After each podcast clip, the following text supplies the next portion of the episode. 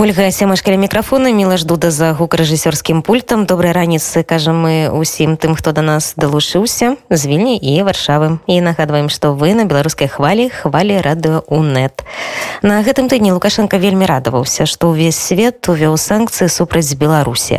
Гэта дазволіла яму купляць расійскі газ і нафту за расійскія рублі. Беларусь выказвала такое жаданне ўжо 10 гадоў але раней Расія адмаўлялася прымаць плацяжы ў расійскіх рублях і патрабавала плацяжы ў замежнай валюце але вось каго санкцыі не радуюць так гэта беларускую эканоміку абмежаванні ўжо закранули асноўная галіна беларускага экспарту нафтаперапрацоўчы завод і сектор калійных угнаенняў за санкцыі еўрапейская мяжа беларусі закрыта гэта страты для транспарту і лагістыкі інфляцыя ў сакавіку перавысіла 6 процентаў і датэрмінова выканала гадавы прагноз беларускія улады ўжо абмежавалі вываз краіны харчовых харчовых тавараў зараз можна вывозіць да кілаграма мукі цукру солі таксама да літра расліннага алею і толькі тры банкі кансерваў такое рашэнне беларускі ўрад патлумачыў абаронай унутранага рынку ў сувязі з павышаным попытам спекулянтаў у памежных раёнах але не толькі спекулянты на памежжы але і самі беларускія грамадзяне працягваюць экзамен на трываласць беларускай эканомікі у сакавіку насельніцтва вы вынесла з банкаў 650 мільёнаў долараў ці ёсць на такім фоне добрыя навіны для беларускай эканомікі і наколькі працяглым можа быць падзенне а таксама дзе можа быць дном спыталі у акадэмічнага дырэктара даследчага цэнтра бюрок кацярыны барнуковай рынка беларуси ситуации падения которое началось наверное еще в феврале И в марте, я думаю, существенно ускорилось, судя по словам министра экономики, утверждает, что за первый квартал рост у нас, как он говорит, 100%, да, то есть роста нет. По сути, что мы растеряли весь тот рост уже, который был в прошлом году благодаря экспортному чуду. Видимо, дальше будем уже копать глубже. Что происходит в экономике? Происходит разрушение логистических цепочек, происходит потеря экспортных рынков, как европейских, что связано с санкциями, так украинского, что связано напрямую с войной.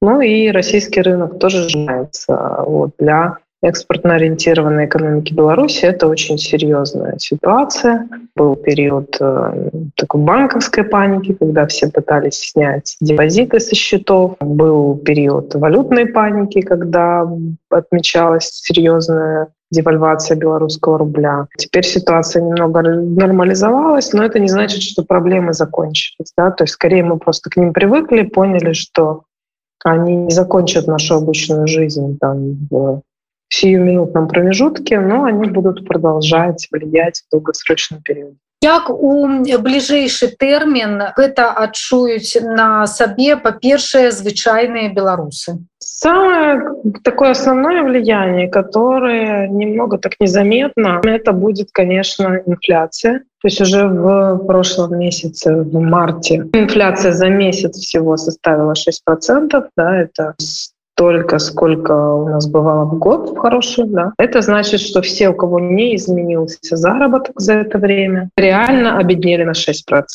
И тут, конечно, мы знаем, что тоже распределение этого роста цен по товарам, оно очень неравномерное, что-то дорожало быстрее, что-то дорожало медленнее. Соответственно, те, кто потребляет больше, например, опять же, продовольственных товаров, они пострадали больше от этого. И потом мы видим такие вещи, как валютные ограничения, да, они, конечно, тоже затрагивают многих белорусов, которые не могут снять валюту со счетов, да, например, или купить валюту в том количестве, в котором им бы хотелось. Ну и плюс видим такую ситуацию, что на рынке труда начинаются уже определенные напряжения, найти новую работу людям становится сложно, Возможно, мы скоро, рано или поздно увидим поток, если не увольнений, то отправок в неоплачиваемый отпуск, простоев и так далее, неполной рабочей недели. Это, к сожалению, вот такая новая реальность, с которой уже достаточно быстро придется столкнуться белорусам. У той же час некоторые консультанты с белорусского боку кажут, что для Беларуси это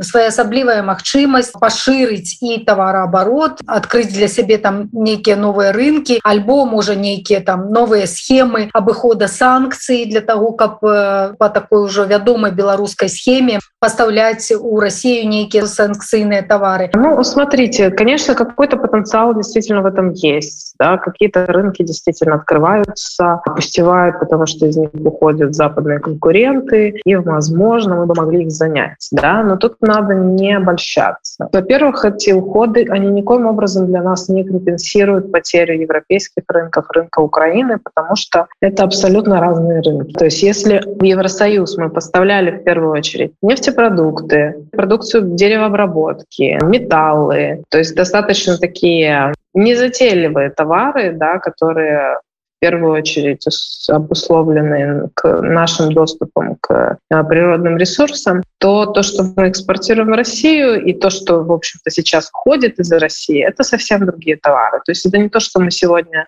скажем, ну все, мы не экспортируем больше продукты нефтехимии в Евросоюз, давайте перенаправим их в Россию. Нет, России этого не нужно, у них хватает своей нефтепереработки. Да, мы, может, там могли бы занять какое-то скромное место, но это не полноценная замена европейскому и украинскому рынку. То же самое касается каких-то других вещей. Да, где-то, возможно, мы можем выступить заменителем. Может, есть потенциал, не знаю, нашей легкой промышленности, там, может, есть потенциал нашей косметики. И то мы видим, что, допустим, легкая промышленность, легпром, они вряд ли смогут конкурировать с тем же Китаем, который тоже сейчас хочет занять э, российский рынок. Мы не являемся дешевыми, у нас нет доступа к качественному сырью, да, например, тому же хлопку, который есть там у Узбекистана. И, в общем-то, не очень ясно, каким образом мы будем конкурентоспособны на российском рынке, даже когда оттуда уйдут э, все международные бренды. Ну а какие-то вещи для нас просто недостижимы. Да? Мы не сделаем ни iPhone, ни самсунговский смартфон за в ближайшее время мы не сможем заменить э, турбины Siemens и так далее и тому подобное. Да? То есть это просто технологически для нас невозможно. Какие-то вещи могли бы быть осуществлены, какая-то переориентировка могла бы произойти, да, но для этого нужны инвестиции, и для этого нужно время. А кризис происходит прямо сейчас. Прямо сейчас уже исчезают товары, нам нужно время и деньги, чтобы перестроиться, пока мы все это найдем, а деньги, я, честно говоря, не понимаю, где мы сейчас можем найти на какие-то инвестиции. В общем, эти рынки будут уже закрыты кем-то другим. А вось што датычыцца расійскага рынку і гэтага знакамітага імпарта замяшчэння тому что Беларусь ужо ў свой час праходзіла ўсе гэтыя размовы пра імпартазамяшчэння яны скончыліся нічым. Насколькі у Росіі ёсць насамрэч унутраныя ресурсы каб вось гэтае імпартазамяшчэнне наладзіць? Ну знаете есть хорошая шутка анекдот который ну не анекдота на самом деле правда да то есть э, где-то в российских новостях проскальзывала про какую-то программу импортозамещения, что она приостановлена, поскольку нет э, импортных компонентов, которые необходимы для ее реализации. То есть э, в современном мире невозможно все импортозаместить. И да, Россия действительно большая страна, которая многие вещи производит самостоятельно, то есть не Беларусь, которая очень сильно зависит от внешних рынков. Но, тем не менее, какие-то вещи, особенно высокотехнологические, но заменить будет сложно. И надо, опять же, понимать, что какие-то технологии, они занимают годы, чтобы их разработать и внедрить. Никто не приедет в Россию с готовым а, рецептом, как это сделать, да, и, в общем-то, опять же, нужно будет построить, нужно будет время. Казалось бы, даже такая относительно несложная вещь, как порт с насыпным терминалом для калия. Вот мы слышим, что в норме этот порт там строится 4 года, да, ну вот мы постараемся сделать стахановскими темпами за два. То же самое будет касаться и других э, огромных импортозамещающих проектов. Они возможны, но вопрос в том, сколько времени это займет. Да? И чем более технологичный продукт, тем менее возможным это импортозамещение становится. А як зараз увогуле могуць ажыццяўляцца гандлёвыя адносіны паміж Расіяй Беларусію у свеце таго што валюты няма ні ў той ні іншай краіне? І